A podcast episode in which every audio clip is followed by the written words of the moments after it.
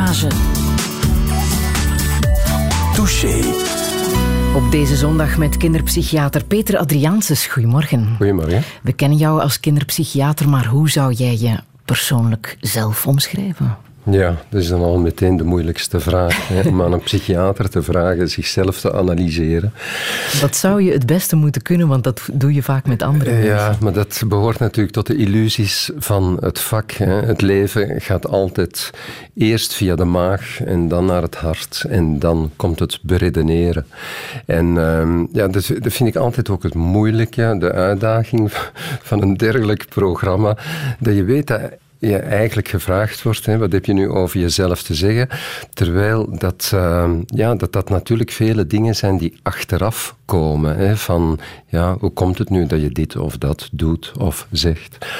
En, en, ja, en over welke Peter Adriaanse gaat het dan? Hè? Ik, uh, ik hoop dat ik natuurlijk thuis aan de tafel niet degene ben die in een zaal uh, vooraan uh, staat de uitleg te geven over opvoeding. Hè? Dus er bestaat een luidruchtige versie waar die meer, laat ik maar zeggen, het werkgebondene is. Hè? Waar, waar ik natuurlijk ja, passievol, uh, met veel goesting werk. Um, en, en ook vind dat ik daarin moet helpen vertalen naar publiek. Dat uh, kennis niet iets is van een vak, dat je, je moet dat delen met mensen.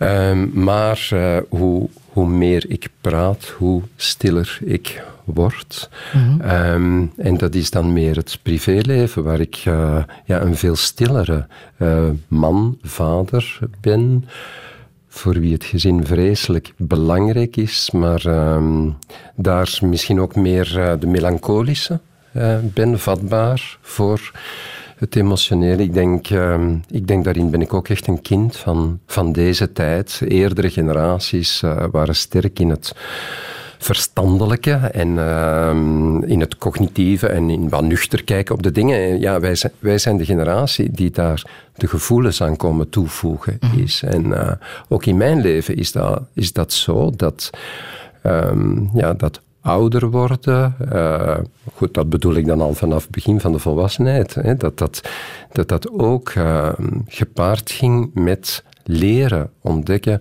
um, wat je met gevoelens doet. En, uh, dus het zou kunnen dat ik de volgende twee uur met de twee uitersten van Peter Adriaanses praat? Wel, ik, laten we zeggen dat ik vrees dat je mij daartoe gaat verplichten. In ieder geval, welkom in Touché.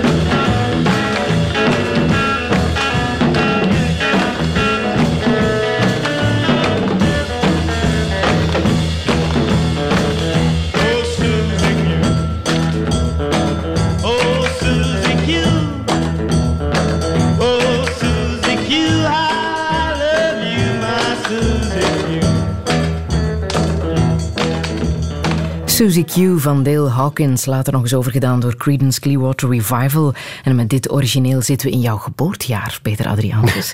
1957. Nee, nee, nee, nee. dat uh, heb je van Wikipedia. Ah. En, uh, dus ik ben een van de illustraties dat het fout is. Ik ben van 1954. Kijk, dan moet je deze... Ik wou net zeggen, deze plaat zal je dan niet gekend hebben van de radio toen het uitkwam. Nee, nee. Maar dan moet je het wel gekend hebben. Ja, vier jaar oud. maar goed, dat is dus opgroeien in de jaren 50, begin jaren 60. Welke herinnering heb je daaraan, opgroeien in die periode? Ja, wel, ik vind een van de fascinerende dingen dat je dus achteraf je realiseert dat dat stormjaren geweest zijn die compleet aan ons gezin voorbij gingen.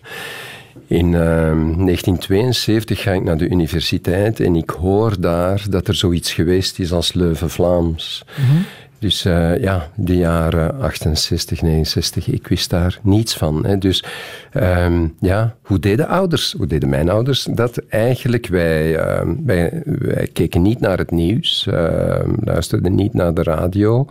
Het, ja, die, de veranderingen, hè, de, de grote seksuele ontvoogding en zo, nou, dat ging aan ons voorbij. Mm speelt daarin natuurlijk wel mee dat uh, ik, ik, was eigenlijk een, uh, een angstig kind. Hè. Zeker als jong kind was ik eigenlijk vrij angstig. En als ik nu klasgenoten tegenkom ehm, die mij gekend hebben als 12 tot 16-jarigen, die, die dan zeggen van ja, dat jij nu zo'n lawaait zijt, hè, dat, we, dat we geregeld horen en dan, dan moet ik altijd denken van, en die zei geen woord. Ehm, dus ik ben ook een teken van hoop voor alle stille. Uh, maar... jouw moeder heeft iets gedaan dat echt levensbepalend is geweest. Ja, Ze heeft jou gestuurd naar deze man. Komt hier al bij aan, hoor deze klucht. Het is van chef Contrain. Contrain. Een drollig ventje vol genucht, zoals er weinigen zijn. Er zijn. Het is al van chef Contrain. Het is al van chef ik zou het samenvatten in één woord en dat is: het poppenspel is een mirakel. Het poppenspel is een wonder. Ik neem bijvoorbeeld een handpop. Maar dan komt de mens en steekt zijn hand in die dode stof, in dat dode ding dat eigenlijk maar een stukje hout is en een stukje kleed en misschien een paar parelen voor de ogen. Maar hij steekt zijn hand in en het is net alsof hij een ziel aan die pop geeft. En dan begint die dode stof te leven. Jouw moeder stuurde jou naar Jeff Contrain, de poppenspeler. Ja. Waarom deed ze dat? Ja, wel, ik speelde poppenkast, zoals uh, velen, uh, denk ik nog altijd, hè, in een grote kartonnen doos van de eerste diepvries. En, uh, en mijn moeder, ik was twaalf jaar en mijn moeder vroeg of dat ik een grote kast zou willen, een echte poppenkast. En daar heeft ze iets verschrikkelijk belangrijk gedaan. Ze heeft mee die kast gemaakt, want eh, mijn moeder was degene bij ons thuis die de elektrische boor ging halen en de elektrische figuurzaag. En um, we maakten een kast die getransporteerd kon worden. En mijn moeder ging de Antwerpse Stadsbibliotheek uh, poppenspelteksten zoeken en komt zo op een boekje van Het Poppenspel, een tijdschrift van Chef Contrain. En um, zij neemt daar contact mee en Jeff Contrain nodigt ons uit. En ik ben met mijn moeder bij hem geweest als ik twaalf was. Het is een, um, een herinnering die, die ja, enorm veel markeert, omdat ik daar de ervaring zelf gedaan heb. Hoe belangrijk het kan zijn als een volwassene ook mogelijkheden in u leest. Je bent als kind toch heel afhankelijk van wat anderen in u lezen. Um, mensen die tegen u gezegd hebben van, ja, je kunt wel grappig zijn, of uh, ja, wiskunde is precies wel uw ding. Uh, Contrain was een man die op dat ogenblik zeker uh, over de 60 was. Hij had het Stadspoppentheater in Mechelen opgericht. En die man die vertelde mij dat ik absoluut moest doordoen. Hè? En hoe waardevol dit was, dat dit ook kunst was ik hoorde alles wat dat, ja, buiten bij mijn moeder op een ander niet direct te horen was. Want poppenkast, mijn, mijn vader was uh, arts. Uh, anesthesist, in een, uh, werkt in een operatiekwartier. En de jaren 60 waren natuurlijk volop de jaren van de tennis. Hè. Ja, dus de, de meeste kinderen van de artsen die gingen naar een tennisclub. Hè. Bon, had je ja, al die mooie verhalen over dat clubleven. En, en als ze dan vroegen, en wat, wat doet die van u? Wat doet uw zoon? Ja, poppenkast spelen, dat vond uh, mijn vader op dat moment toch wel moeilijk. Hè. Maar jouw moeder geloofde er wel Zij geloofde erin. Zij trok uh, met mij rond, hè, zodat zij, een, een, zus speelde mee. En dus dat wij konden gaan optreden op schoolfeesten en zo. En, en heeft uh, dat de stille Peter Adriaanses ook geholpen ja. om toch te durven iets ja, te doen? Het heeft mij zeker geholpen om taal te vinden. Het, uh, het geweldige van het poppentheater is dat er een doek staat tussen jou en het publiek. Hè. En dat je ongezien kunt oefenen. In het begin heel tekstgebonden. Uh, progressief, maar eigenlijk vooral pas vanaf mijn 18 ben ik beginnen experimenteren met zelf schrijven. Ik heb dan ook voor studenten met een Puccinelle theater enzovoort. Hè. Maar um, ja, het heeft groot verschil gemaakt. En, um, en dat heeft gekruist met het ontmoeten van de wereld van de kleinkunst. Ja. Um, want, want een van de dingen, hè, mijn vak, hè, kinderpsychiater zijn, heeft natuurlijk veel met taal te maken. Hè, spreken met mensen. En heb je die taal daar gevonden ik heb, door met Ik heb poppen te heel spelen? bewust taal gevonden, enerzijds door poppentheater. En anderzijds dan door uh, vanaf 1617 in de Arenberg Schouwburg uh, de beginjaren mee te maken van uh, mensen als Herman van Veen, Nederlands Hoop en zo. Wat dat ik ineens mensen hoorde die eh, woorden gaven aan emoties en dat daar dat, mens, dat je dat fijn kon vinden om Mhm. daarnaar te luisteren. Mm -hmm. Gebruik je nu nog um, het poppenspel? Want Ja. het is iets magisch. Hè? Kinderen Ja. vertellen soms meer of vertrouwen meer een pop of een beer dan, dan een mens, dan een psychiater of een papa Ja, ik gebruik het niet uh, in, in, in de beperkte zin in een consultatie bijvoorbeeld. Hè, maar natuurlijk, een kinderpsychiatrische uh, consultatie en werk sluit heel sterk aan bij die wereld. Hè. Ondertussen heb ik geen pop op mijn hand meer nodig. Mhm. Uh, ik, ik, ik, kan ook gewoon een hand tonen en er een verhaal mee vertellen. Maar ehm, het, het, het heeft zeker die, die weg daar naartoe geopend. Mm -hmm. Kleinkunst, daar had je het over. En ik heb hier Herman van Veen klaarstaan. Mm.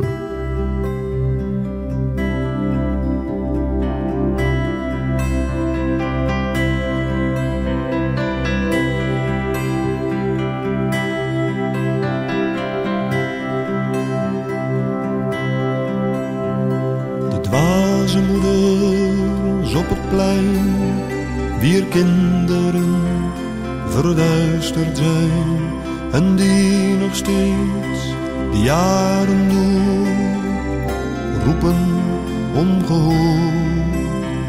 Ze schuifelen door het journaal, geven een teken, een signaal dat geen enkele deur eeuwig dicht zal zijn, dat aan het eind van de tunnel weer licht zal zijn. Gezinnen die de apartheidswaal meedogenloos uiteen liet slaan. Ze komen toch weer bij elkaar voor even maar. Want liefde is daar illegaal.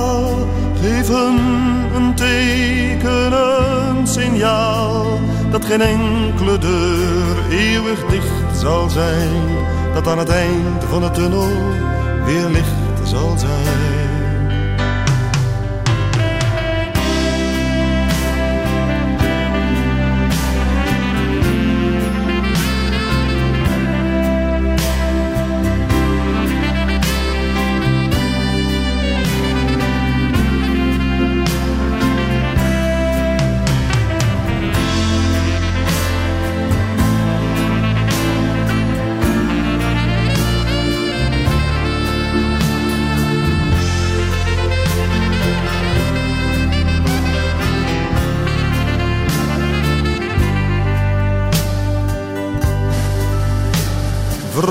Om geloof of ras, vervolgden om wat vader was, vervolgden met het schietgebed van Jezus, Marx of Mohammed.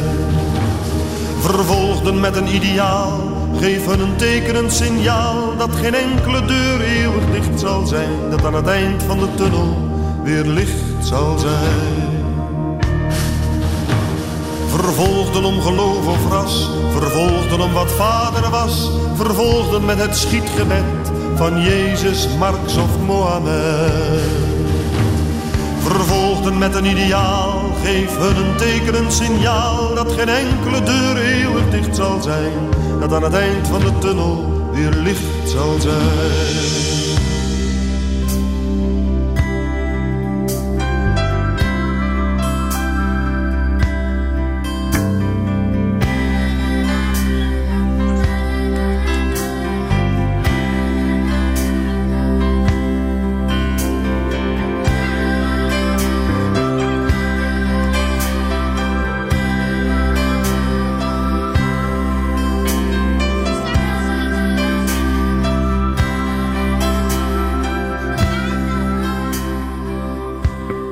Van Veen en uh, ja, de woorden die hij gebruikt om uh, een verhaal te vertellen. Hier het verhaal van de Argentijnse moeders. Ja.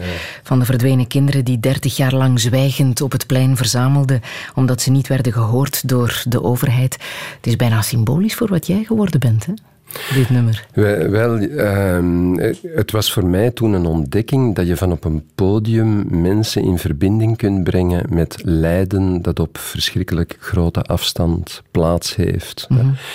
um, ik, uh, ik luister nog wekelijks naar werk van hem, het vroege werk. Het vroege werk van, ja, ja dat, uh, om, omdat me dat daar heel sterk mee verbindt. Hè, van, uh, het, um, als, ik, als ik denk aan, aan uh, mijn werk met zuster Jeanne de Vos, hè, dan zit dat ook in dit nummer. Hè. Mm. Het, uh, je, je, moet ook de bescheidenheid kunnen kennen dat uh, het, het vaak al verschil kan maken door een teken een signaal te geven dat de deur nooit dicht zal zijn.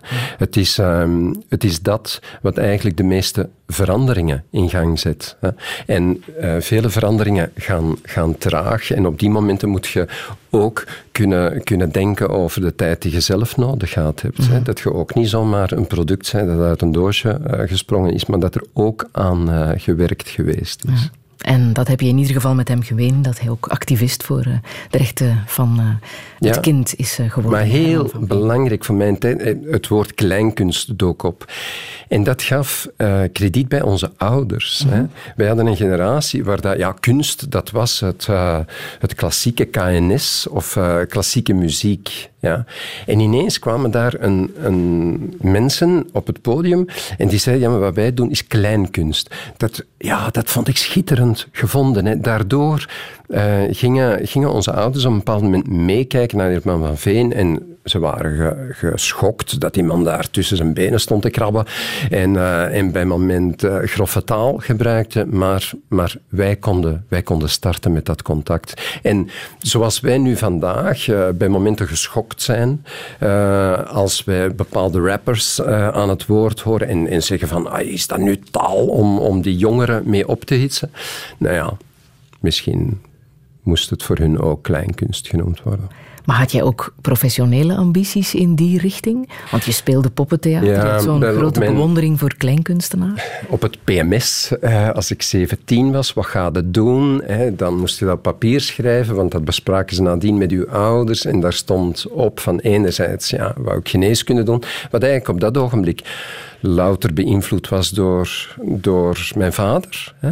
En in diezelfde sporen te willen gaan. En anderzijds wou ik naar Sergei Obrazov en dat uh, was de man waarover chef Contrain mij vertelde als ik naar het Stadspoppentheater ging. Hij was hoofd van de school voor poppenspel in Moskou. Op dat ogenblik de wereldleider in zaken uh, poppentheater. En daar kon je een opleiding volgen, uh, speler, decorbouwer en regisseur.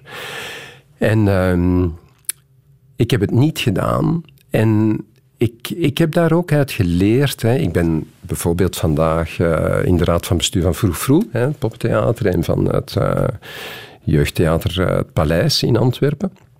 En ehm, daar zie ik dan van, ja, maar goed dat ik dat vroeger niet gedaan heb. Want, Waarom? Uh, ik gebruik het soms aan ouders die dan zo komen van, ja, en hij wil artiest worden, hè, of hij wil renner worden. Hè. Uh, ja, dat is allemaal goed als het succes is, maar wat doe je daarmee als die 16 is? En uh, ik vertel dan dikwijls uh, die voorbeelden van, uh, weet je, als je zegt dat je het niet graag hebt en hij wil het echt doen, dan gaat hij het aan zijn laarzen lappen. Ja, ik lapte het niet aan mijn laarzen. En ik denk dat dat ook het verschil is tussen de, de hobbyman, hè, van ja, het is voor mij echt plezier en het. Uh, maar uh, professioneel zou dat niet de beste keuze geweest zijn. Mm. Dus je bent geneeskunde gaan studeren. Ja. Was jij een goede student, een eerlijke student? Tja, wel, ja, als er, als er één bladzijde uit het leven te scheuren is. Want ik denk, ik denk eigenlijk, of ik zou er niet direct een tweede kunnen bedenken, want je hebt ook nood aan uh, stommiteiten in het leven. Als er toch één uit te scheuren is, is dat ik uh, in mijn vierde jaar geneeskunde uh, heb ik afgeschreven en ik ben daarop betrapt. En ja, tot daartoe vinden vele mensen het een sympathiek verhaal. Hè. een beetje student hè, moet dat doen. Ik werd bij de deliberatie bij de, bij de professoren geroepen. Hè. Ja, waarom denk je dat je hier staat? Ja, ik wist direct, dat heeft met dat afschrijven te maken. Dus ik zeg ja, ik heb afgeschreven. Um, goed, het tarief hè, was, uh, dat is het nog altijd, was dat je, je, je jaar kwijt was. Je moest volledig herbeginnen, moest u gaan verontschuldigen bij de rector, de vice-rector uh, enzovoort. Um, tot daartoe, hè, je zit op de blaren voor wat dat je gedaan hebt, maar wat ik niet wist was dat er in het reglement ook stond dat degene waarvan je afgeschreven had hetzelfde tarief kreeg. En dus die kreeg te horen dat ook deze jaar afgelopen was. En uh, dat is iets waar dat ja, je bent daar niet op voorbereid. Je, je, ja, je doet dat natuurlijk niet. Ik was ervan overtuigd. Ik heb direct gezegd, ja, ik heb afgeschreven. Hè, dus daarmee, goed, ik draag de consequenties. Um, en dat ik had kunnen afschrijven, had ook te maken met het feit dat de professor die moest opletten, geregeld is, buiten ging. En er was zo'n beetje lacherige sfeer. Maar dat ontkende die professor, als ik dat zei. Maar heb jij een schuldgevoel tegenover de jongen Tuurlijk. waar je van Tuurlijk, afgeschreven ja. hebt? Dat, uh, Altijd? Je, ja, ja in, in de zin van, ja, ik denk, ik denk dikwijls... Um, als ik een boek uitbreng, als ik in media kom, dan denk ik dikwijls, het is ook mijn signaal van, uh, ik hoop dat je ook ziet wat ik ermee gedaan heb. Weet je wat er van hem geworden is? Dat ja, weet ik enigszins, maar niet hoe dat hij naar kijkt, want het contact uh, ging daardoor ook verloren. Je bent daar op dat ogenblik, ja, je bent 21, je bent daar niet op voorbereid. En uh, ik kan mij vandaag bijvoorbeeld ergeren aan mensen die hun capaciteiten niet opnemen. Die, die, dat ik zeg van potverdomme, doe toch mee. Of, of uh, durf consequent zijn. En um, nou, dan moet ik hier aan denken. En dan denk ik, ja, veranderen. Dat uh, creëer je niet zomaar. Er is, ook ik heb tijd nodig gehad. De lessen van het leven. Ja. Je hebt gekozen om kinderpsychiatrie te doen. Um, had je daar ervaring mee? Nee, ik, um, ik ben eigenlijk vrij vroeg uh, geïnteresseerd geraakt in de seksuologie. Hè. Uh, ik heb jarenlang gedacht van dat eerder te doen. En het is dan eigenlijk een, uh, een goede vriend, Michel, die um, een jaar of twee, drie voor mij zat. En die, die zei van, ja, je, je, moet eens naar die lessen kinderpsychiatrie. Um, ja, en daar, daar heb ik dan mijn koetvoederen gehad. Maar uh, ja, daarin spelen natuurlijk hè, verhalen. Ja, vele, vele verhalen uh, spelen altijd een rol. Maar het, uh, het geweldige is dat je in dat vakgebied ook veel mensen ontmoet die, uh, die ontdekkingen gedaan hebben, die belangrijke stappen gezet hebben voor kinderen door uh, goed contact te behouden met hun eigen jeugd. Mm -hmm. uh, vandaag vinden wij dat evident. Mijn, mijn, laatste boek heet Nesten en dat gaat eigenlijk over dat hechten. Hè, dat, mm -hmm. Maar had je dan ervaring met, met kindermishandeling, met, met misbruik, dat je specifiek daarin geïnteresseerd nee, was? Nee, daarin is een beetje de kille realiteit. Dat ik, uh, ik werd kinderpsychiater. In, in mijn ganse opleiding heb ik over dat onderwerp niet gehoord. Um, maar ik kom op het moment dat ik uitkom, heeft de Vlaamse regering geld om centra kindermishandeling op te richten. Antwerpen was uh, daarin al ruim voorgegaan. We konden dat in Leuven starten. En in Leuven uh, dacht men, god, dat zijn misschien 50 dossiers op een jaar. Uh, heb je zin om dat te doen? Er waren niet veel kinderpsychiaters. Ehm, en ik dacht initieel, ja, maar dan kan ik ook andere dingen doen. Maar ik heb een, eh, ik heb een wereld ontmoet die... Ik ga niet zeggen dat ik die niet kende. Ik wist niet dat ik die kende. Ehm, de cliënten in uh, het vertrouwenscentrum hebben evenveel voor mij gedaan als ik misschien voor hen. Mm. En een boek dat jou daarbij heeft geholpen om die wereld die jij niet kende uh, te leren kennen was uh, Het jaar van de kreeft van Hugo Claus. Ja, zijn boek uit 1972. Ik ben, ik ben, ik ben 18 als dat boek uitkomt, hè, waar daar Klaus um, eigenlijk heel die ontwikkeling in die 60er jaren, hè, uh, seksuele revolutie, rela relatie, wisselingen en, en uh, buitenechtelijk en, en weet ik wat allemaal, hè, al die experimenten, hij brengt dat samen in een verhaal van mensen. Hè. Um, van dat boek is een, is een audiofilm gemaakt door het Geluidshuis. Fantastisch ja? gedaan. Het is dus een boek dat ik even kan laten horen. Je ziet er prachtig uit. Dat zeggen ze op de zaak ook. Ja, als ik van je weg ben, ga ik er meteen beter uitzien. Waarom neuk je me niet? Als je het in tien minuten kan, mag je. Ik moet zo een meisje ophalen. Kamer 69.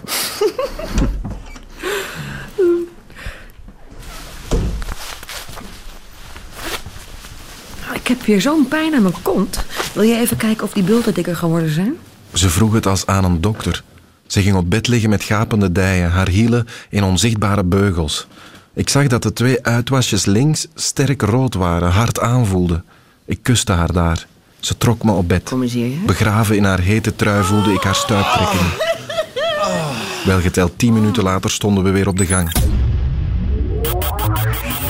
Ja. Tony, een uh, vrouw, kapster, moeder van muisje en een buitenlichtelijke relatie met, uh, met Pierre. Wat heb je daaruit geleerd, uit, uit dat boek van Hugo Claus?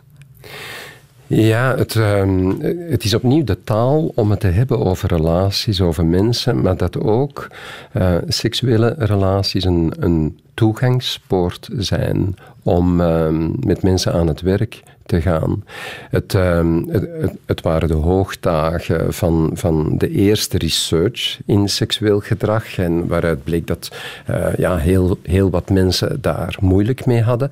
Ik moet ook wel zeggen, het is ook een van de ontgoochelingen van mijn vakgebied. Wij waren toen um, nog erg overtuigd dat als wij een generatie zouden kunnen helpen om beter te praten over relaties en seksualiteit, dat er uh, veel minder frustratie zou zijn, hè, dat er uh, veel minder problemen zouden zijn in koppels. Wel, wij hebben dat praten, vind ik, toch in hele grote mate bereikt. En we zijn daar niet echt voor beloond geweest. Hè. Je kan moeilijk zeggen dat het vandaag uh, allemaal zo spectaculair vlotter gaat. Er zijn andere uh, problemen naar boven gekomen. Be, ja, mensen blijken ook wel relaties te kiezen vanuit ja, hun jeugd, hun geschiedenis, uh, allerhande toevallige en niet toevallige invloeden. Hè. Dus dat, het, uh, dat je dat niet zomaar als een trucendoos kan, kan hanteren. Mm. Je hebt het ook wel eens over Madonna hè, en haar mm. relatie met haar vader.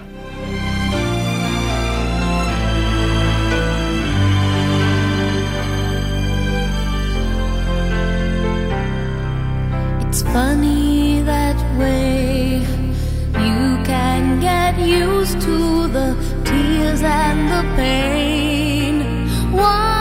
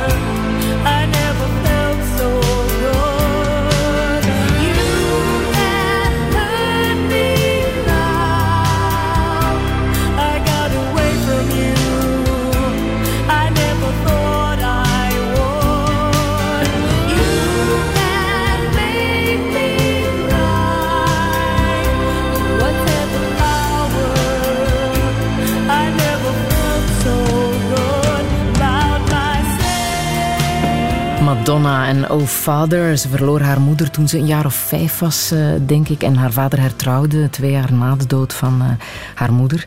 De relatie met haar vader is vanaf dat moment uh, volledig gestoord geraakt. Herkenbaar, Peter Adriaanses? Herkenbaar, maar ook de geweldige manier waarop dat zij, zeker in de vroege fase van haar carrière, getracht heeft de, de thema's waarmee zij worstelde in het leven, ehm, gezongen vorm te geven op een manier dat uh, tegelijkertijd eigenlijk niemand goed door heeft. Dat ze het over hele pijnlijke levenservaringen heeft. Het, uh, in het nummer uh, Oh Father, in de film In Bed with Madonna, brengt ze dat nummer terwijl ze geil over een communiebank kruipt en schunnig doet met allerlei religieuze symbolen. En um, dan, dan zie je de intelligentie, en dat, dat zie je ook heel vaak bij slachtoffers van misbruik terug.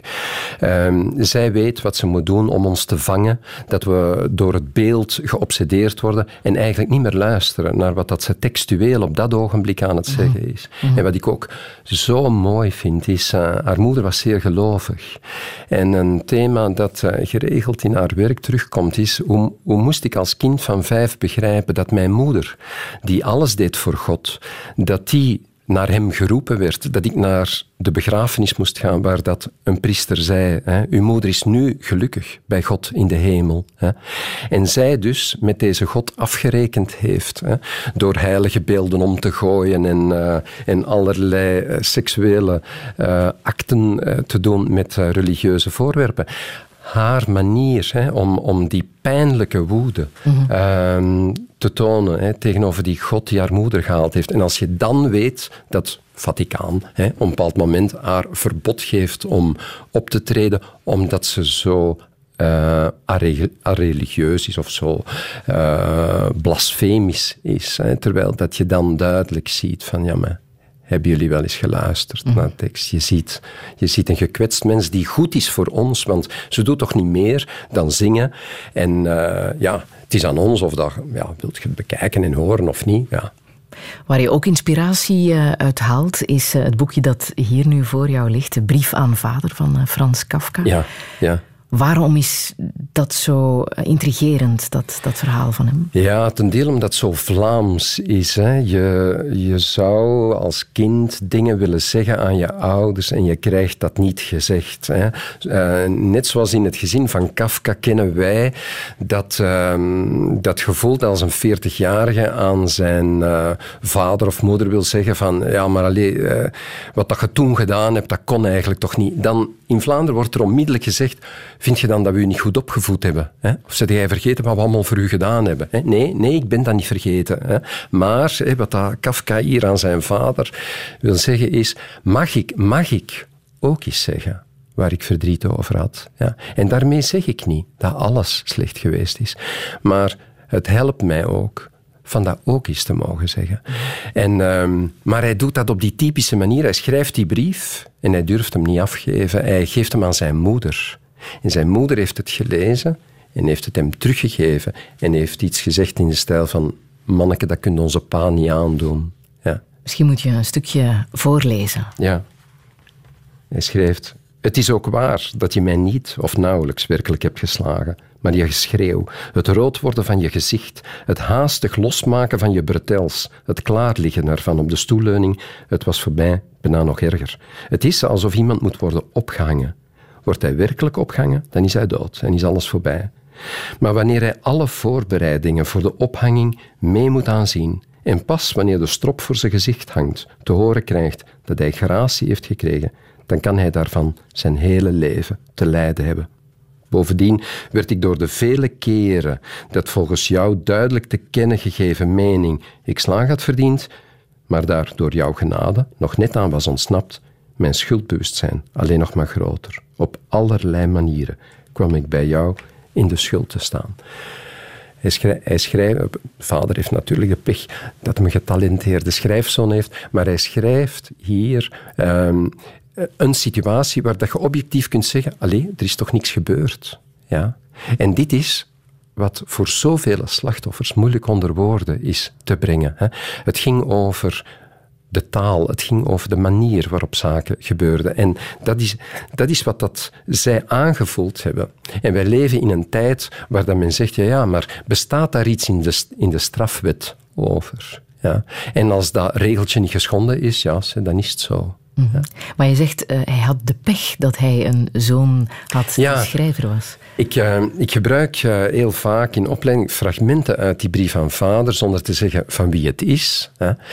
Um, en dan um, onderzoek um, dat gebeurd is naar die vader. De vader van Frans Kafka, wie was hij?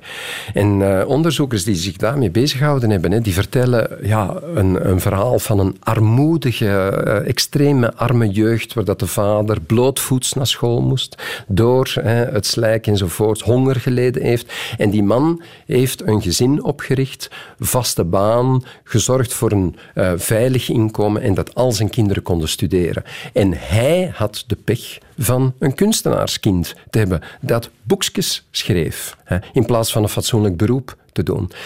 Dus er zijn onderzoeken die zeggen, ah, het is wel een schande dat je de brief van Kafka durft gebruiken om ook te illustreren hoe dat iemand denkt die zich verwaarloosd uh, voelt, uh, emotioneel geweld meegemaakt heeft. En, en dat, daarover gaat het vandaag. Hè. Wij leven in een, in een democratische samenleving. En dat wil zeggen, het enige wat we vragen, zoals Frans Kafka eigen schrijft, is maar mag ik het ook zeggen? Ik, ik zeg niet daarmee dat die vader een slecht mens is. Mhm. Maar mag ik ook zeggen dat het niet allemaal oké was? Heb jij dat ooit gezegd tegen je eigen vader? Nee, nee, nee, wij zijn niet zo'n praters.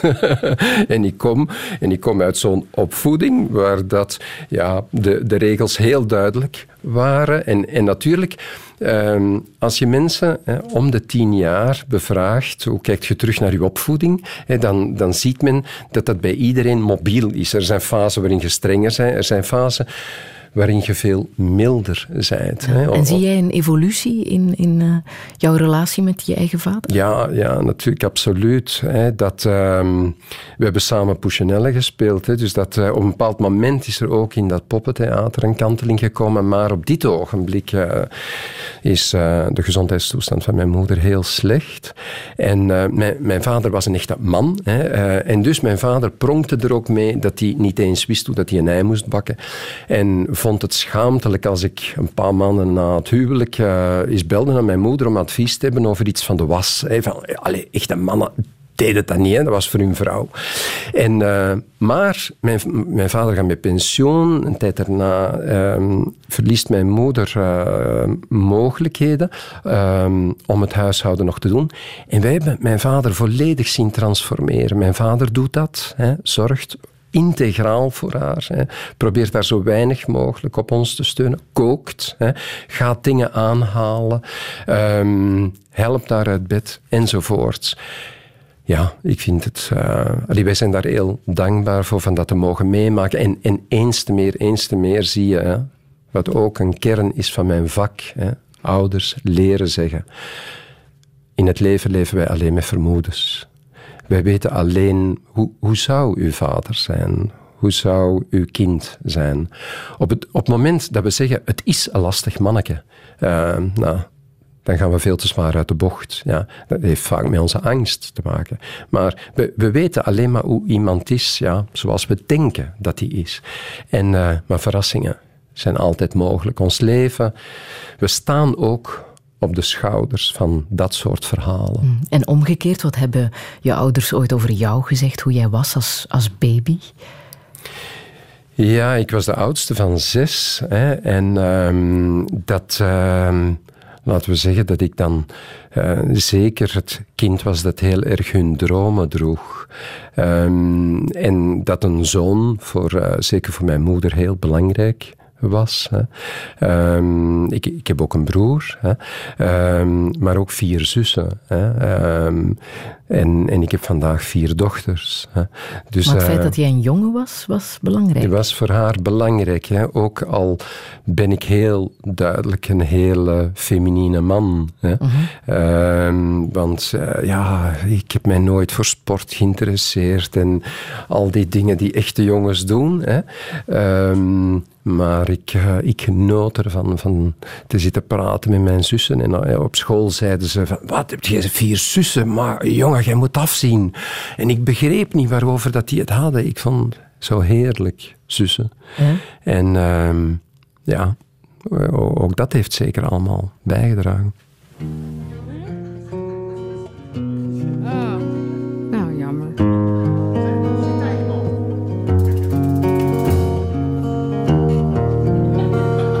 Oké, okay. Touché.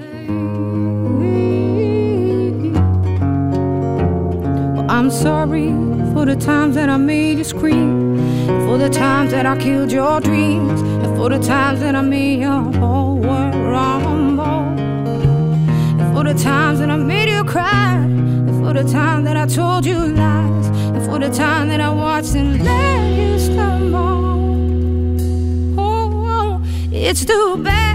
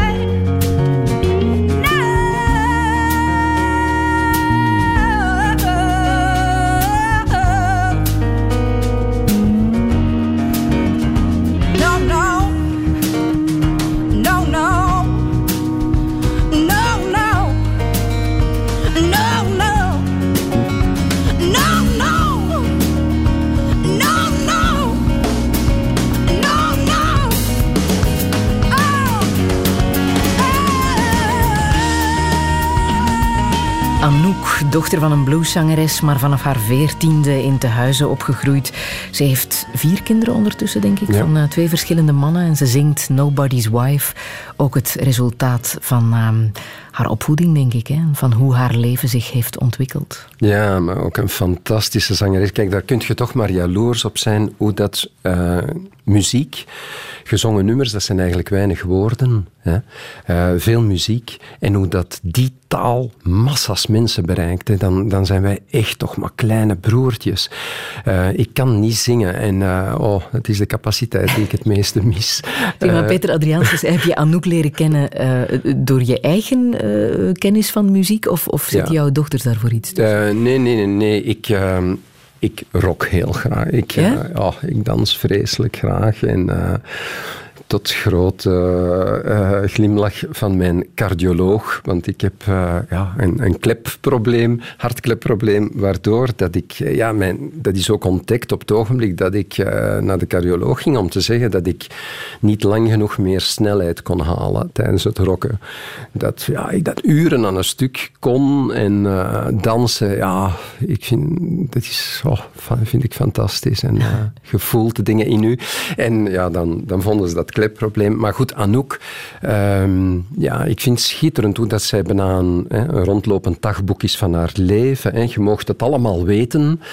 Ehm, eh, maar ik vind, eh, desondanks is ze daarin niet vulgair. Ehm, ondanks het feit dat ze allemaal op straat gooit, blijft hij heel discreet over haar kinderen. Goed, en de muziek die ze daarbij weet te zetten, hè, dat eh, maakt dat je er ook weer van, van weg, weggaat. Ehm, Peter Adriaanses, ik zie hier een blinkende trouwring. ja. Jouw meest kostbare kleinoot.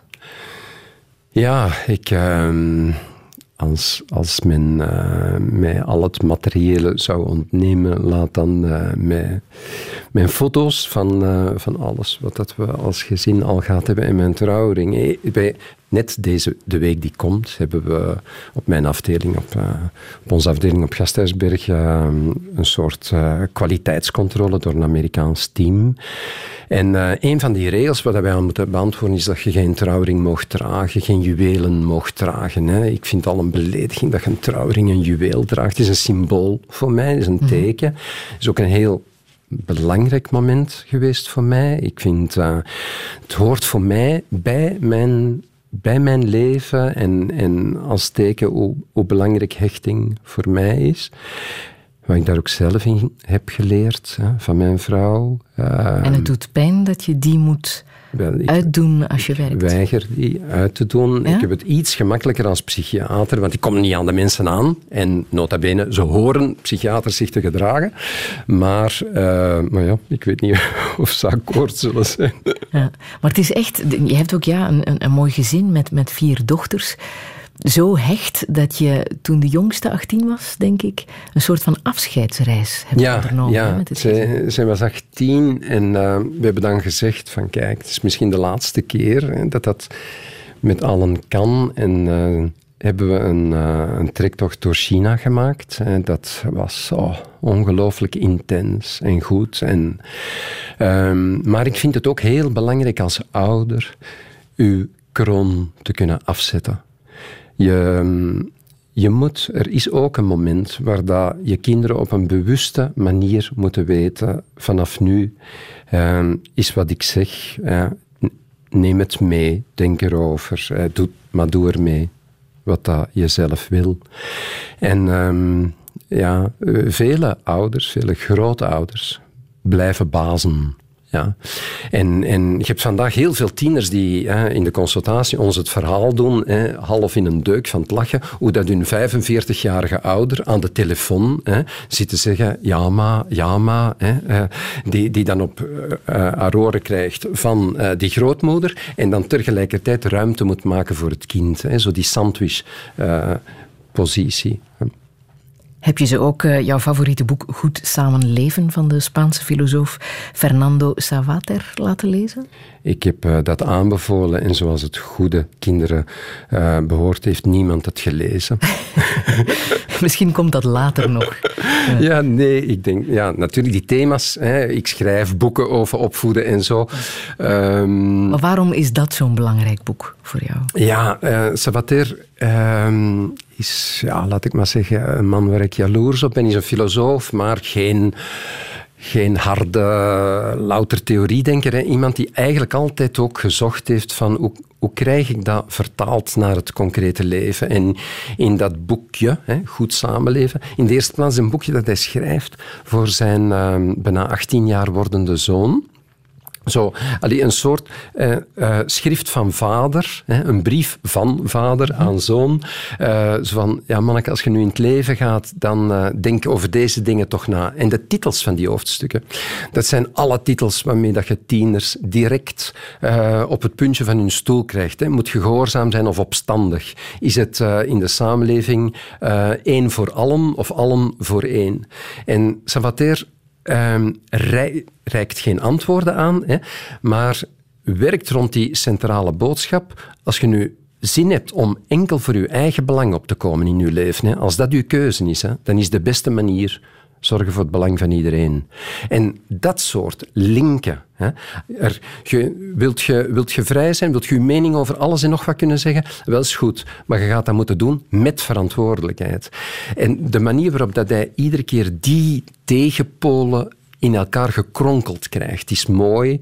En, ehm, en zie ik in de praktijk ook hè, dat uh, ja, 16, 17, 18-jarigen daar ook wat mee zijn. Zo in plaats van dat altijd te moeten discussiëren met mama en papa. En van, van daar zelf eens over te kunnen reflecteren met een boek dat ook een statuut heeft van mm. hè, een meer filosofische kijk. Mm. Adviseer jij je dochters ook in de liefde?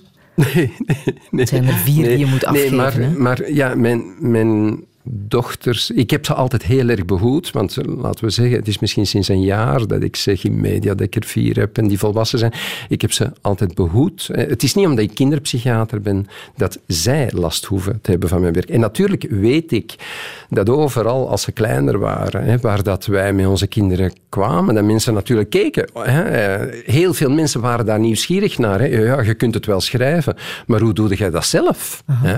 En ja, goed, je hebt er vier, je weet niet hoe dat gaat aflopen. Hè. Dus uh, ik heb ook lang mijn mond gehouden, tot ik wat beter wist van, hmm, ze mogen ze alle vier zien.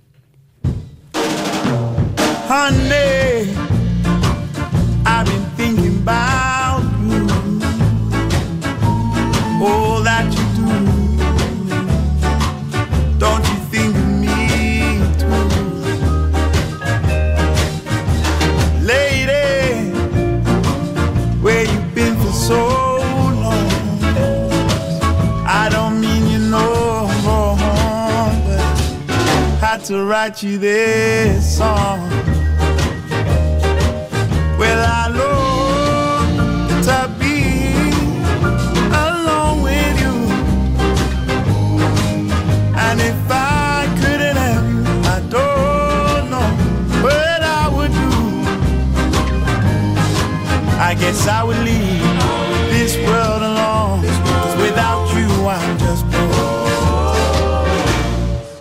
Well, I dream of you so much, love you so much. Thoughts and enough. Well, I speak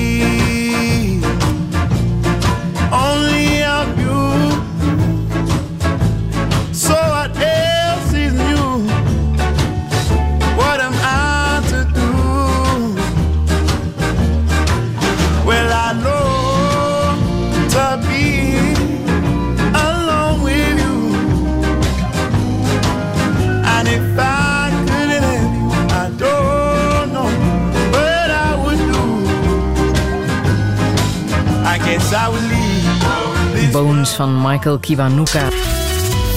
Radio 1. Friedel Lesage. Touché. We hadden het al over poppenspeler Jeff Contrain en schrijver Frans Kafka, over Herman van Veen, Madonna en Anouk. Ook over het jaar van de kreeft van Hugo Claus, over de boeken van de Spaanse filosoof Fernando Savater, over zijn trouwring en zijn vier dochters en we hebben nog een uur te gaan. Dit is Touché met kinderpsychiater Peter Adriaanses. Goedemiddag.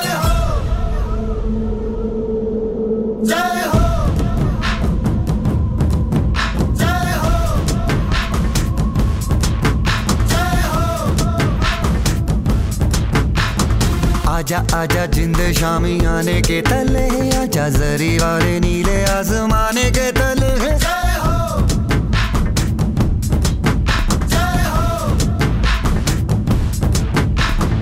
आजा आजा जिंद शामी आने के तले आजा जरी वाले नीले आजमाने के तले रत्ती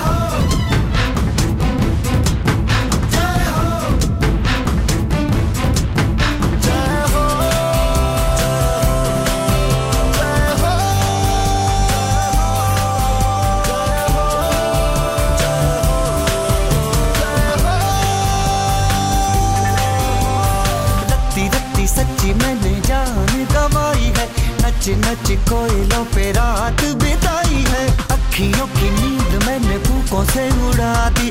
गिन गिन तारे मैंने उंगली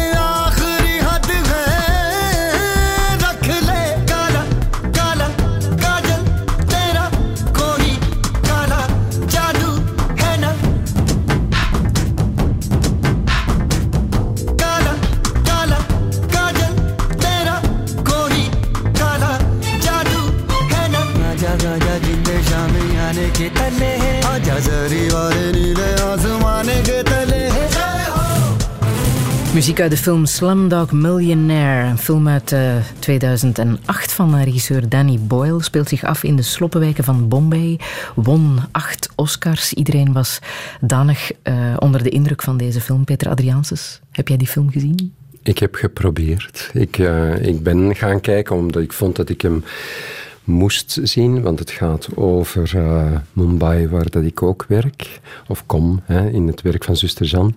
En, eh, maar ik heb na een half uur de zaal verlaten. Ik kon Ja? het niet meer aan op het ogenblik dat de scène komt, waarbij men een, de ogen van een kind verbrandt, hè, door daar een gloeiend product in, in te gieten. Dat, eh, dat is ook de realiteit. En als je kinderen kent die ehm, eh, tot bedelaarsgroepen gemaakt zijn, hè, want je, je ziet in, eh, in Indië groepen kinderen die een lidmaat missen, hè, die, die zijn afgezet geweest. Er zijn kinderen die blind zijn en zo nodig blind gemaakt en zo. En dat zijn specialisatiegroepen in, bij de bedelaars en bij de maffia die zich daarmee bezighoudt. Ehm, Maar je kon dat niet aanzien, Nee, terwijl nee, het jouw wel- vak is.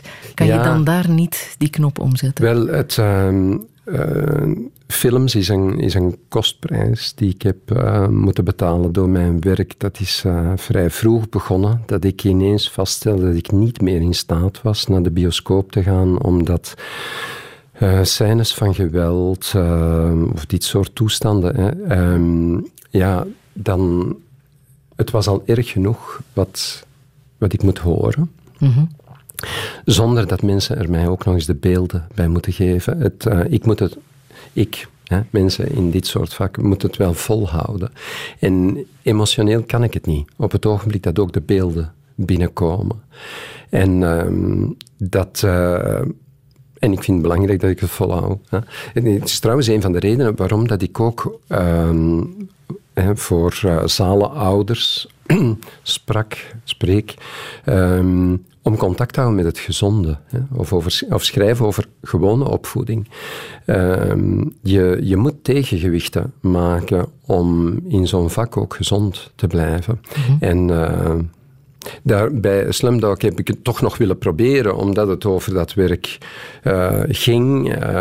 maar ik kon het niet. Ik kon het niet en dan vlucht ik mijn... Oh, ik zou er ziek van worden. Ja, het is wel heel straf dat je dat zegt, zeker als je weet wat eh, Jean de Vos, hè, met wie je samenwerkt, inderdaad elke dag ziet en eh, meemaakt. Haar even eh, laten horen. Als ik zie de armen in India, en mensen die sterven van honger, die slaven van s morgens vroeg tot s avonds laat, dat is geen kwestie van luiheid. Eh, daar zit een dynamiek in. Ik heb dat zelf mogen ontdekken met het werk met huisarbeidsters. Dat zijn meestal ongeschoolde vrouwen die nooit een school gezien hebben, maar het gezond verstand dat daarin leeft is fantastisch, Jan. Eh, dat is eigenlijk niet voor te stellen. Ik, heb me, ik moet zelf zeggen, ik ben daar enorm in verwonderd geweest dat zij zoveel aankunnen en zo'n aanpak hebben op psy- psychologisch gebied, op praktisch gebied. Touché. Jean de Vos, in het meest dramatische, ziet ze het positieve. Hè? Ja, ja, het is niet zonder reden een bron van inspiratie voor mij. Hè, als ze in 2004 eh, mij, mij komen opzoeken is om te vragen om eh, haar beweging te helpen vanuit, vanuit traumakennis. Ehm, we hebben dan ook in, in Leuven een fonds opgericht hebben dat haar naam draagt. Ehm, waar dat, ja, eh, voor mij is het verhaal van Jean de Vos ook een, een voorbeeld hoe je ehm, sociaal engagement ook kan leren. Hè. Ik, ik, ik kan niet zoals vele mensen kunnen die zeggen, ja, maar ik ben al heel mijn jeugd eh, met mijn ouders betrokken geweest in allerlei projecten enzovoorts. Dat, dat was bij ons thuis niet. Ik heb, ehm, ik heb engagement geleerd door ehm, met mensen zoals eh, Jean de Vos in contact te komen. En, ehm, en, en van daaruit vind ik het ook, het is een opdracht voor ons allemaal. En wij, wij kunnen allemaal ook anderen inspireren. Eh, zeker als zij dan zegt hè, van, ja, je, je moet niet denken dat je zomaar aan de weg timmert. Hè. Me- Mensen vragen, ja, en hoe, hoe zijt je in je carrière enzovoorts. En zij brengt daar de bescheidenheid aan van, nee, het is de weg die u ontmoet. En eh, bij u ligt dan wel de verantwoordelijkheid of je de grens overgaat. En dat is een veel bescheidenere attitude. hè. Ik heb ook, ik heb ook mensen nodig die mij willen ontmoeten. Sociaal engagement in India, is dat makkelijker dan sociaal engagement in eigen land? Nee, want eh, goed, ik, ik heb een hele tijd... eh Suzanne de Vos is eh doctor honoris causa geworden in Leuven in 2000. En ik heb een hele tijd eh, haar vraag beluisterd, maar gezegd... luister zuster, ik, ik ga niet naar Indië komen. Er is hier zoveel werk. Ehm, ik, we hebben goed, bij momenten ook in de vluchtelingenproblematiek gewerkt en andere domeinen. En zij heeft daarop aangedrongen en goed, in 2004 eh, gezegd van kom toch eens kijken. Ja, goed, dat heb ik gedaan. En natuurlijk gebeurde wat er dan hoort te gebeuren. Hè. Dat lost u niet meer. Mhm. Maar ehm, bij Eigen Deur in Mortsel heb je je ook wel geëngageerd. Hè, toen het project werd opgezet naar aanleiding van eh, eh, de bombardementen op Mortsel in 1943 is er een Ja. project opgezet met de leerlingen eh, van de school waar de bommen opgevallen zijn. Wat heb jij daar precies gedaan? Ja, de, ik woon in Morsel hè, en wij, wij wisten eigenlijk zelfs niet hè, dat dat zulke impact op de mensen heeft, dat daar nog altijd veel mensen eigenlijk ehm, daar tekens van, van dragen. Ja. En dus Ingrid Pira, hè, de burgemeester, die, die vond we moeten daar iets voor doen. Nu dat er nog een, ehm, ja, een, een kleine 200 mensen zijn die nog uit de getuigen geweest zijn of, of uit dat puin gehaald zijn. Hè. En... ehm, dus we hebben met, eh, met Pieter Serin een project gehad waar dat ehm, leerlingen uit, het, eh, uit de twee laatste jaren van secundair onderwijs gecoacht werden om overlevers te gaan interviewen. En, maar zij hielden ook een dagboek bij. En eh, we keken naar dat materiaal. Ehm, en dus wat gebeurde is, een leerling die eigenlijk daar niks van wist, die in het dagboek schrijft, hè, goh, nu moet ik met een opa gaan praten en wat gaat, hè, die, gaat wat zitten zagen.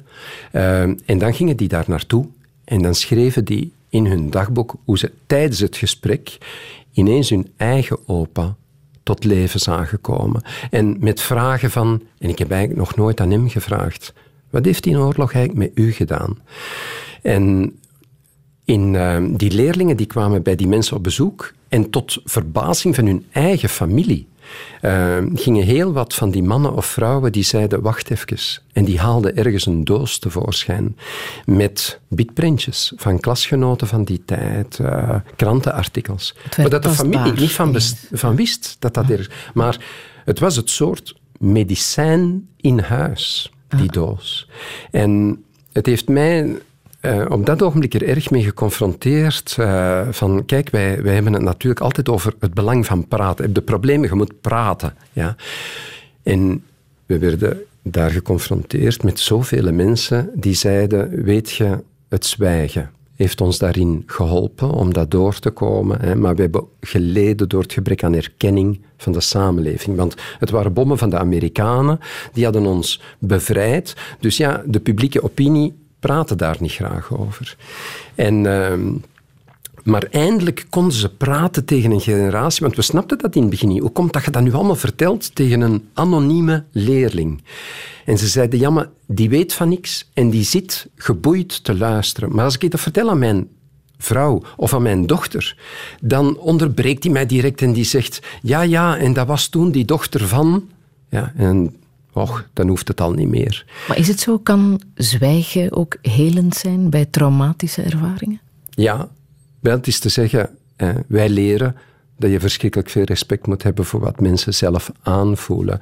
En wij, wij mogen niet onderschatten dat we natuurlijk heel erg in contact komen met eh, mensen die getraumatiseerd zijn en die daar door een lijden hebben. En in dat lijden inderdaad mensen nodig hebben die mee praten. Maar op honderd mensen die hele erge traumatische dingen meemaken, is het wel zo dat een hele grote groep, hè, en dat gaat over toch een 70% 75% eigenlijk de capaciteit heeft van dat een plaats te geven in zijn leven en daar geen, laten we maar zeggen, geen psychiatrische problemen van ontwikkeld. Of dat kan hanteren met eigen mensen rond zich, of door te zwijgen. Hè. En uh, ja, wij, wij moeten respect hebben voor methodes die mensen ook zelf vinden. Men moet ook in een, in een koppelconflict, ja, men moet ook eens kunnen zeggen, we hebben het nu gezegd, zwart, ja. gedaan. Mm -hmm. We hebben het er niet meer over. Ja.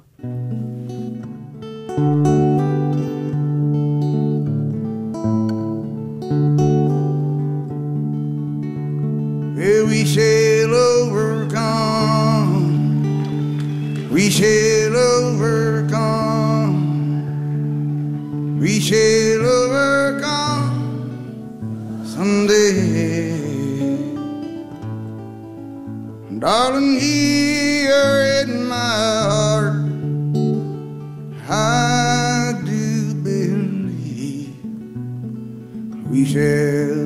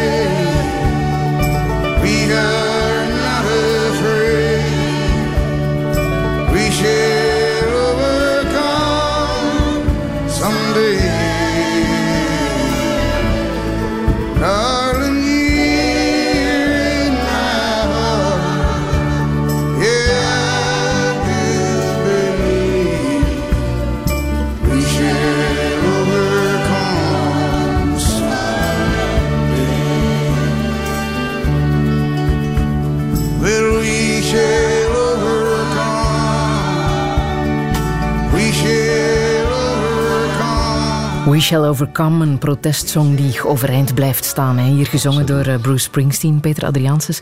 Een man die ooit live aan het werk zag. En wel, Het blijft voor mij nog altijd het beste live concert dat ik eh, meemaakte. Om het rockende, maar ook om het soort engagement hè, ehm, waar ik dan eh, mateloos bewondering voor heb. Eh, dat is zijn eh, CD The Rising. Dus na 9-11 maakt hij een plaat. En eigenlijk weet je dan hè, dat zo'n man de potentieel de capaciteit heeft om een gemeen nummer te maken. Hè? Om een nummer te maken waar dat hij met de nodige beat mensen ophitst tegen de verantwoordelijke van 9-11. En dat doet hij niet. Hij, hij maakt daar geen gebruik van. Maar hij gaat in tegendeel de verhalen vertellen. Van eh, je zit dan thuis en die papa komt niet thuis. En ja, weten hè, dat mensen de capaciteit hebben om iets heel destructief te doen of iets heel gevaarlijk te doen. En daar op dat ogenblik bewust geen gebruik van maken, dat vind ik een eh, hele, hele grote eigenschap. We Shall Overcome gaat over ons allemaal. Hè? Ja. Maar het geldt en misschien ook wel... Someday. ja. Mhm. Dus het, het, is ook het, het is ook de protestsong van de hoop. Hè? Mhm. het, is, eh, het is ook het teken dat ehm, wie mensenrechten schendt, eh, misschien goed op korte termijn wel het gelijk aan zijn kant zal hebben. Mhm. Maar eh, de geschiedenis toont dat het niet is. hoop misschien ook wel voor de ouders van de vermoorde en vermiste kinderen hier in ons land, die jij beter hebt leren kennen, Paul en Betty Marshall, Tini Mast. Wat bewonder jij zo in, in die mensen? Zou je zelf nog kunnen leven? Dat ehm, in hoe dat Paul.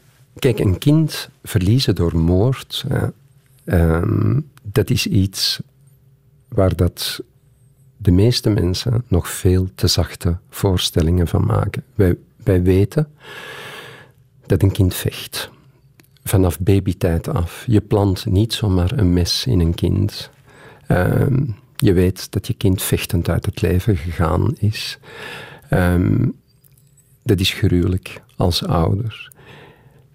Dat, je, dat die ouders dan nog de capaciteit hebben van mildheid naar dat land. Ehm, ik weet niet of ik het zou kunnen. Ehm, we hebben bij, bij Paul en Betty, hè, we, we hebben dan als samenleving het proberen te corrigeren met rechtspraak enzovoorts, maar dat die dan nu terug geconfronteerd zijn met de historie van Malon, waar dat ehm, opnieuw wij als samenleving ons werk slecht doen. Ik vind het een onvoorstelbare schande. Hè, dat op het ogenblik dat wij juridisch hè, zeggen van oké, deze vrouw heeft het recht om ehm, buiten de gevangenis onder toezicht te zijn, dat wij dat niet zelf organiseren en dat we beginnen te bedelen of er ergens een kloostergroep is die dat doet. Nou, ik, ik schaam mij rot daarover. En goed, je kunt op dat ogenblik alleen een opiniestuk schrijven om, om dat te proberen een teken te geven. Uh, ik zat met, uh, met Paul Marchal in een vergadering. Hè. Ik kende hun nog niet persoonlijk. Na, na de zaak Dutroux, de koning uh, en de eerste minister, De Hane, op dat ogenblik roepen een vergadering samen. drie Vlaamse experts, drie Franstaligen. Ik ben een van die experts. En de ouders. En, en zij kondigen daaraan, kijk, we gaan een commissie oprichten en die gaat voorstellen moeten doen wat dat er nog allemaal moet verbeteren in het land om seksueel misbruik aan te pakken. En Paul Marchand die stikt zijn hand op en die zegt, mag ik iets vragen? Um, als die dan een rapport schrijven, waarvoor gaat dat dienen? Is het om jullie bibliotheken te verlengen? Um, want dan kun je beter het initiatief nu al stoppen. Hè? Of is het om iets echt te veranderen? En dat, dat ben ik nooit vergeten. Dat, um, dat speelt veel uh, in mijn hoofd. Dat het soort verantwoordelijkheid dat hij daar bij mij opgeroepen heeft. Van dit is de taak. Dit is de taak. Er is een verantwoordelijkheid om aan deze ouder duidelijk te maken: ik sta daar voor jou. En ja, hele, hele kleine mensen zijn wij als we naar dit soort mensen mogen kijken. En we komen van heel erg ver. Hè? We hebben een uh, klankfragment opgezocht van uh, Tini Mast.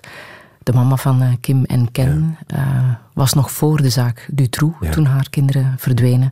En dit vertelde ze over ja, die, die eerste dagen, hè, toen ze ja. de kinderen kwijt was. Het laatste beeld van, dat ik van hun heb is eigenlijk op zich wel heel erg mooi. Omdat ze gingen de trap af en ze stonden beneden aan de trap. En uh, het kind riep nog, hé hey, gekke mama, ik zie u graag. En, uh, en ons Kimmy zei dan van, mama ik zie u ook heel graag. Zeg, ja lieve schat, je weet dat ik u ook heel graag zie. Dat waren hun laatste woorden. Dat is echt... Op dat moment, later, allee, ja, besefte zoiets van is dat hun afscheid geweest. En dat is eigenlijk een heel schoon afscheid geweest, ja. Dat eerste moment uh, dat we dat gingen aangeven, dan werd er ons gezegd, ja, die zijn gaan lopen. Je zult wel zien als school terug begint, staan die aan school. En dat was echt zoiets van... Toen begon de strijd eigenlijk aan. Toen moest ik eigenlijk hun al overtuigen van... Nee jongens, het gaat hier niet over weglopers. Het gaat niet over weglopers. Nee, nee. En... Het was ook de periode dat, dat jij als kinderpsychiater voor het eerst in de media ja. verscheen. Hè? Wat heb ja. jij toen gezegd? Ja, want Het is ook mijn grootste blunder. Ik, uh, ik was bij Jan van Rompuy, ik weet niet meer hoe dat, dat programma heette. Um, Tini Mast was daar ook, dus zij komt daar als moeder vertellen, um, ja, ik zal mijn kind toch wel kennen. Die, zijn, die zijn verdwenen. En ik kwam daar om als expert... Uh, ik schaam mij dat ik het zeg, maar eh, om als expert uh, te komen zeggen van ja, maar dat is uh, de angst van vele ouders die met weglopers te maken hebben. En um, later, want, want uh, gelukkig uh, hebben we elkaar kunnen vinden. Ik heb mij ook uh, herhaaldelijk verontschuldigd bij, bij Tini. Um, zij bleek gelijk te hebben en ik had langs geen kanten gelijk. Hè. Um, en ik heb ook uh, in, in de praktijk moeten leren hè, dat, ja, dat je als ouder dingen van je kind aanvoelt, kent, die, je, die anderen daarom nog niet meteen zien of, of aanvoelen. En um, Tini, Tini zei hè, later tegen mij, weet je wat dat betekent? Hè? Naast, naast iemand zitten die de expert genoemd wordt. Hè? Um, en wat, wat jij dan als moeder van uw kind? Um, enfin, zij heeft geholpen. De echte expertise leerde, leerde erkennen, hè? Die, van, die van de ouder. Um, maar het, is ook dankzij zulke mensen dat wij ook mogen, mogen leren.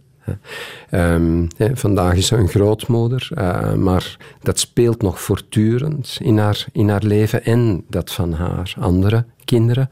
Um, en natuurlijk het feit dat er nog altijd uh, een van de kinderen niet gevonden is, is natuurlijk een vreselijk lot.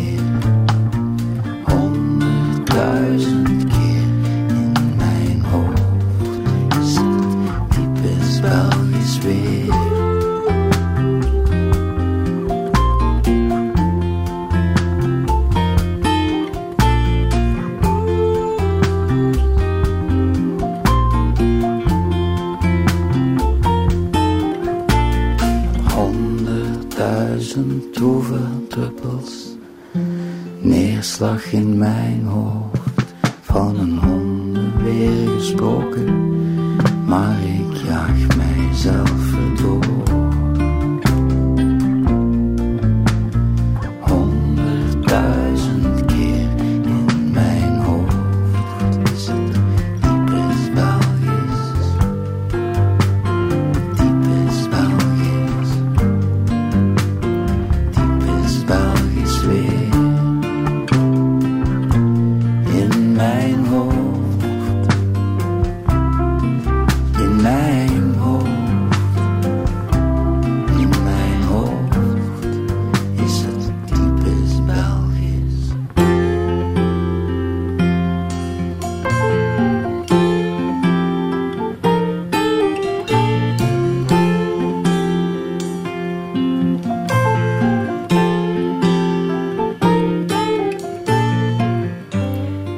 Belgisch weer van de held Peter Adriaanses. Je noemde zo net die uitspraak tegenover Tini Mast. Een van jouw blunders. Een blunder in jouw eh, carrière. Ik ben wel wat onder de indruk dat je dat, dat je dat zegt. Dat zou misschien ook vaker moeten gebeuren. Hè? Dat mensen zelf zeggen, dat was een blunder. Hoe kijk jij terug op ehm, de commissie Adriaanses, waar je voorzitter van was? Ehm, Je was ehm, door de kerk gevraagd hè, om de pedofiliezaken binnen de kerk eh, te bekijken, te analyseren. Daar ben je uitgestapt, collectief ontslag. Ehm, hoe kijk je daarop terug? Zeker niet als een blunder.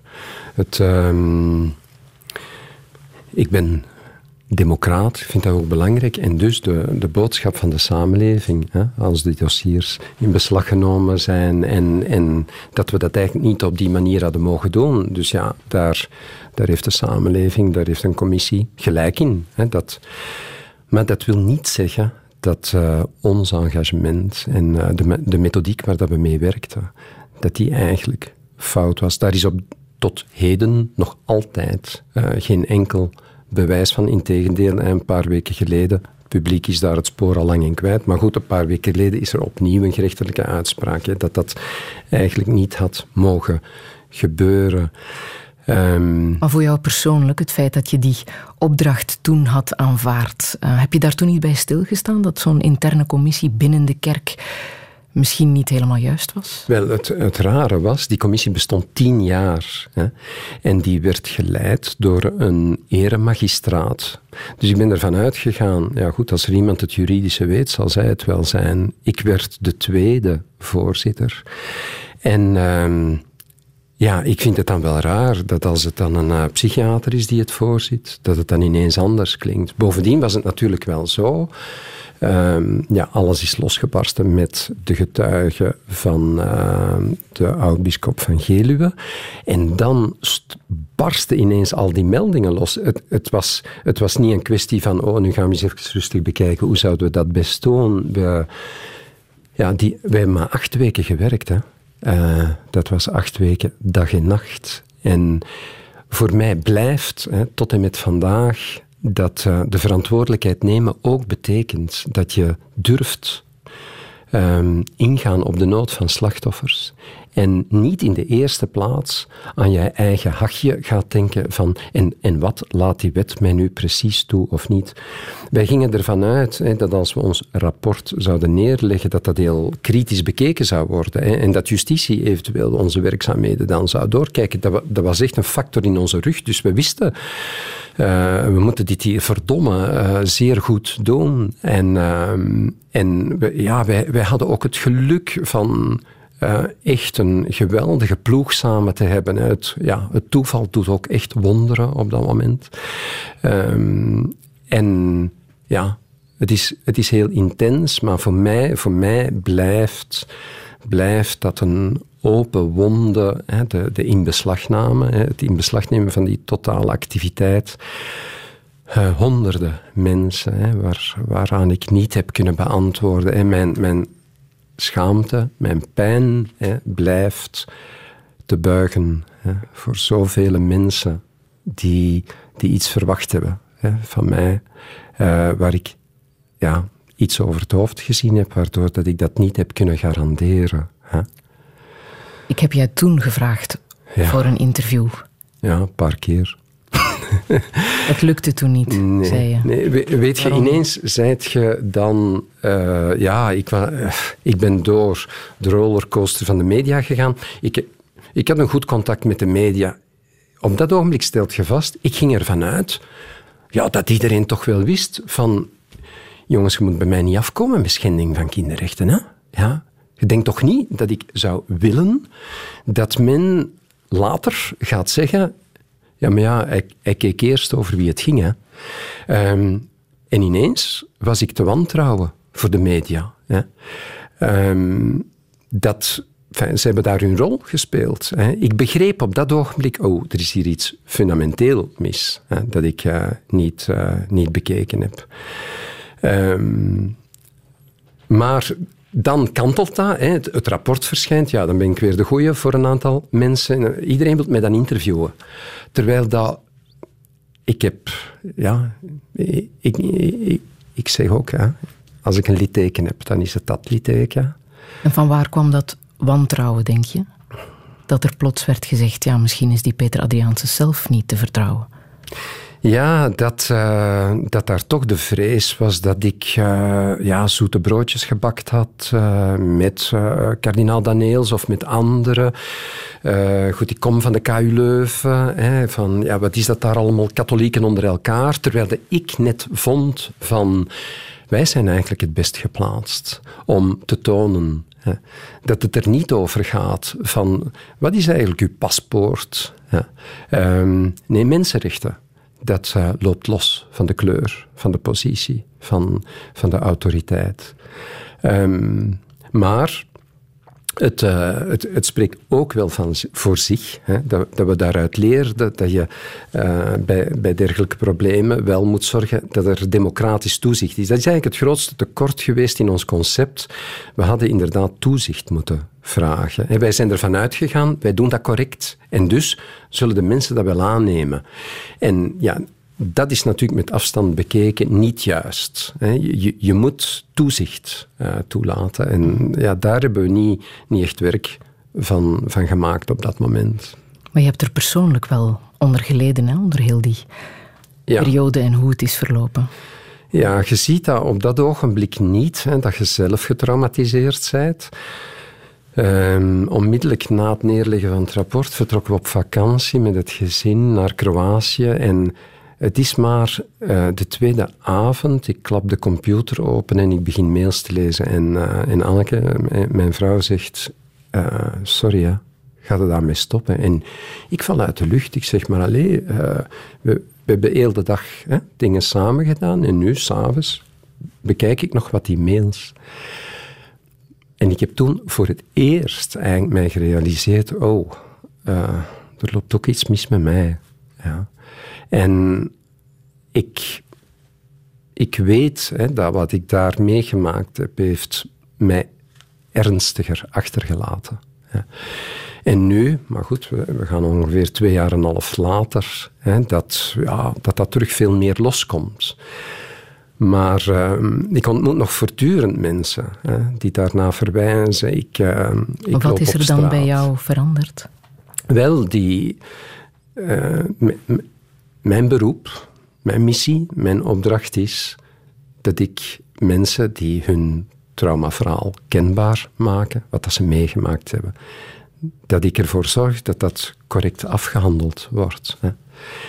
Zij vroegen toen bemiddeling en, en, en, enzovoorts. Ik heb dat voor heel veel mensen niet kunnen doen. Ik was al het materiaal kwijt. Ik heb naar niemand kunnen schrijven. Ja. Ik heb aan niemand persoonlijk kunnen laten weten. Sorry. Ja. Uh, ja, en, wat betekent sorry op dat ogenblik? Woorden zijn dan zo makkelijk, zo futiel. Iedereen kan ook denken dat ik een beleefdheidsexcuus aanbied. Vreselijk. En uh, ja, dat, dat gevoel van ja, ik heb echt gefaald in mijn opdracht. En dat vind ik ook naar de kerk. Hè. Dat vind ik ook naar de kerk. Want goed, zij hadden het recht om dat te vragen.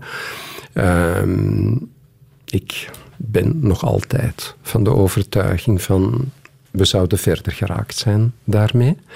Um, dus zij zijn ook in, in iets terechtgekomen.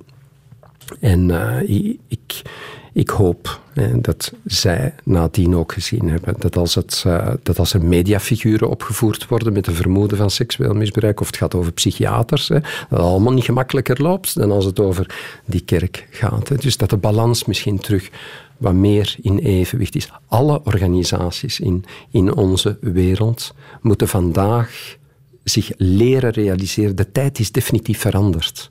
De tijd dat mensen heel hun leven onder de indruk bleven van een notaris, van een professor, van een minister, van een dokter, die tijd is verbroken. De waarheid komt. En mensen zoeken elkaar via internet daar rondop en slachtoffers maken bewegingen. En dat is het goede. Mensenrechten lopen sindsdien vloeibaar door mijn bloed. En ik kan alleen nog maar door die bril kijken en mij geroepen voelen. Wat heb jij gedaan om daar terug door te geraken, om je staande te houden? Ja, wel, weet je, uh, je ja, daar wordt op dat ogenblik niet aan gedacht. Hè? Er, uh, er zijn geen mensen die op dat ogenblik uh, weten dat ze je terug moeten komen. Wat mij dan wel helpt, is gelukkig. Hè, enerzijds, ja, de betonplaat van mijn gezin, hè, waar dat ik op kan bouwen. Het feit dat mijn stilte, eh, het ernstiger zijn, ehm, daar genomen kon worden en tijd kon krijgen. Ehm, maar ook terug ja, dingen doen hè, met, met het gezin hè, om af te leiden. En anderzijds, eh, mijn team op het Vertrouwenscentrum. Hè, ehm, in de, de, de dag dat de dossiers in beslag genomen eh, werden, was ik, eh, was ik alleen van de commissie hè, da- daar op het Vertrouwenscentrum. En dan zijn alle personeelsleden gebleven. Die hebben zich gewoon in de achtergrond tegen het raam gezet. Ehm, dat heeft vreselijk veel betekend. Ik heb een plaat, ik weet niet of het een ode aan jouzelf is. Maar laat ik het bij deze zo aankondigen. Hey, St. Peter.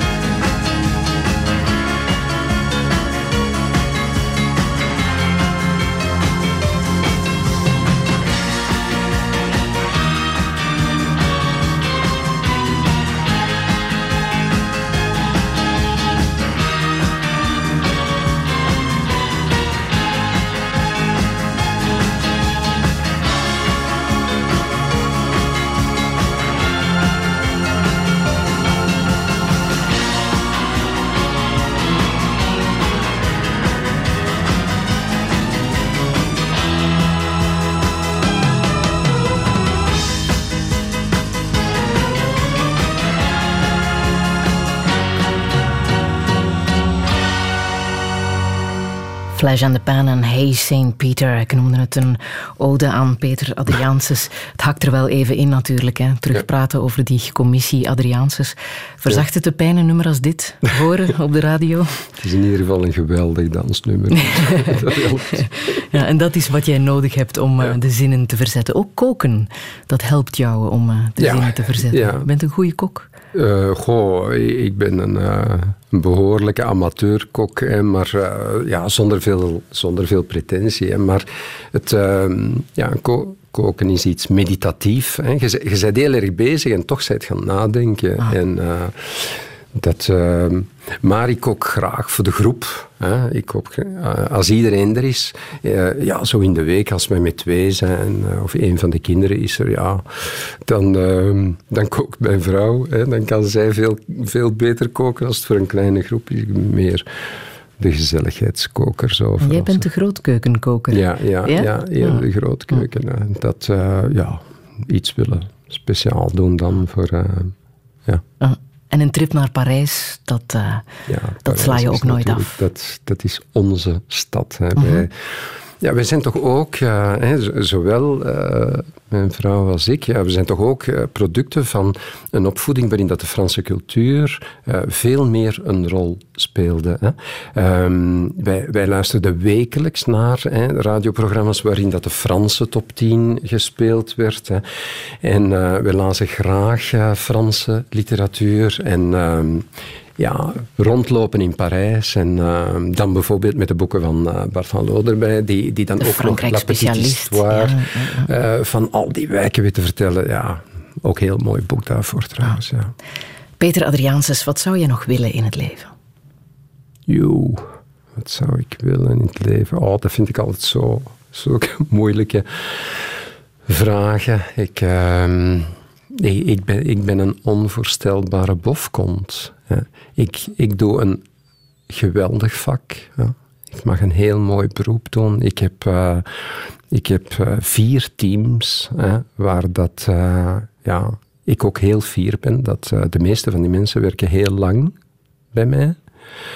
Ehm, dat vind ik ook een compliment. En ik vind dat ook belangrijk voor de kwaliteit van dat werk. En in mijn gezin. Ehm, ik, ik geloof niet zo in dat verwachten. Hè. Ik moet daar ook dagelijks tegen vechten. Heel veel ehm, jongeren die bij ons, eh, hè, sinds een paar jaar hebben we een crisisgroep, een crisiscentrum. En mensen brengen een, een jongere om- omdat ze zeggen, er valt niks mee aan te vangen. Hè. Wel, wel één keer in de week wordt er een jongere bij ons afgezet, waar dat er iemand is, een ouder, een opvoeder is, die zegt, eh, ik kom hem zo niet meer halen. Ja. En dan wordt er een soort hè, eh, wonder verwacht van, van eh, de kinderpsychiatrie, eh, om daar een ander mens van te maken. En dan word je daarmee geconfronteerd. Hè. Een van de hele moeilijke dingen die iedereen van ons moet leren is, je wordt in het leven geboren met van alle materiaal, maar niks concreet. Je moet dat leren ontwikkelen. En ehm, ja, en zolang dat een kind klein is, en dan, dan ziet iedereen er van alles in. Hè. Een begaafd manneke en, en kijkt eens met een allereerst een blik enzovoorts. En dan, zeker als die tiener wordt, dan begint daar zo de schrik te komen. Ja, er zit van alles in, maar er moet toch wel iets uitkomen. Hè. Want de schrik dat er niks uitkomt, is dan ook groot. En als een kind bepaald wordt door een definitie, wat verwachten wij van u? Wat moet het leven nog voor u brengen? Zoveel mensen plaatsen zichzelf, plaatsen zichzelf onder een dictaat. Wat moeten ze nog allemaal als moeder, als vader, als werknemer, als kind? Terwijl je eigenlijk moet leren genieten van de stress. Hè? Eigenlijk moet kunnen zeggen van, ah, ik leef. Ja, dat is behoorlijk stressvol, hè? maar eh, is wel, is wel tof. Hè? En we zien wel weer. Die voordat iemand iets kan worden, moet hij eerst een bril ontwikkelen. Hè. Want iets worden, dat, dat doe je altijd in functie van hoe kijkt jij naar het leven, hoe kijkt jij naar de wereld. Hè. Waar, waar is daar dat plekje voor u? En daar ja, moet je openstaan. En van, vandaar ook mijn, mijn eh, geloof in de jeugdcultuur en, en mijn pleidooi dat de overheid daar nog meer voor zou doen. Dat men dat veel sterker bijvoorbeeld binnen zou brengen in onderwijs. Hè. Ehm, daar geef je ook tips in eh, jouw boek Laat ze niet schieten. ja. Ja, ja. Voel je dat daar naar geluisterd wordt? Eh, want daar zitten inderdaad mooie, mooie voorbeelden tussen. Hè. Beloon jongeren voor goed gedrag. Laat ze gratis naar een muziekfestival gaan. eh, jeugdchecks voor wie een klus opknapt. Ja. eh, Daar heb ik gedacht, hè, van ik schrijf dingen die in een politiek programma zo overgenomen kunnen worden.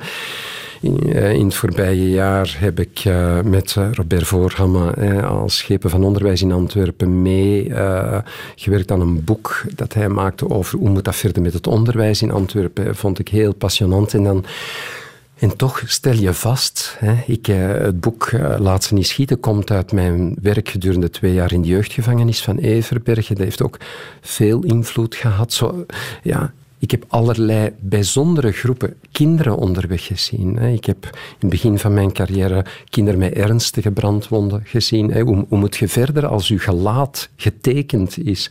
Maar ook eh, met, met eh, Jozef Hersens van, eh, van Vluchtelingenwerk Vlaanderen. Eh, illegale vluchtelingenkinderen in ons land, wat doen we daarmee? En ineens hoort je uw moeder vertellen over haar vlucht in de oorlog naar Frankrijk. Ineens zegt je, nu ben ik 58 en nu realiseer ik mij, eigenlijk hebben dus ook heel veel van onze gezinnen een stukje vluchtelingenverhaal. Ja, Waar dat zij kan vertellen in welk dorpje ze geweest zijn en hoe dat daar een mevrouw een huis ter beschikking stelde. Ah ja, toen vonden we dat op die manier dan belangrijk. Dus eh, ja, ik ben het spoor al helemaal kwijt in mijn redenering, maar goed. Mijn vraag was eigenlijk, wat wil je nog in het leven? maar je geeft de, de ene mooie boodschap na, na de andere. Maar na alles wat je hebt gedaan en meegemaakt, heb je zo één kernboodschap die we van jou mogen onthouden? Gelukkig hebben mij dat op voorhand gevraagd. Zodat we moeten daarop zeggen, ja, ik heb uiteindelijk behoud de begeerte en de twijfel. En je, moet, je moet voor passie durven gaan in je leven. Van, laat u niet beperken door de grens waar de anderen zeggen van, ja, maar ik denk niet dat dat iets is voor u. De meeste volwassenen, als ik in een zaal zeg, hè, iedereen van u hier, als je altijd geluisterd zou hebben naar wat andere mensen zeiden, dat je beter niet zou doen, zou je dan de job hebben die je vandaag hebt? En dan zie je al die nee-knikkende koppen. Hè? Niet luisteren is bij momenten een heel belangrijk cadeau. Peter Adriaanses, dankjewel. Touché.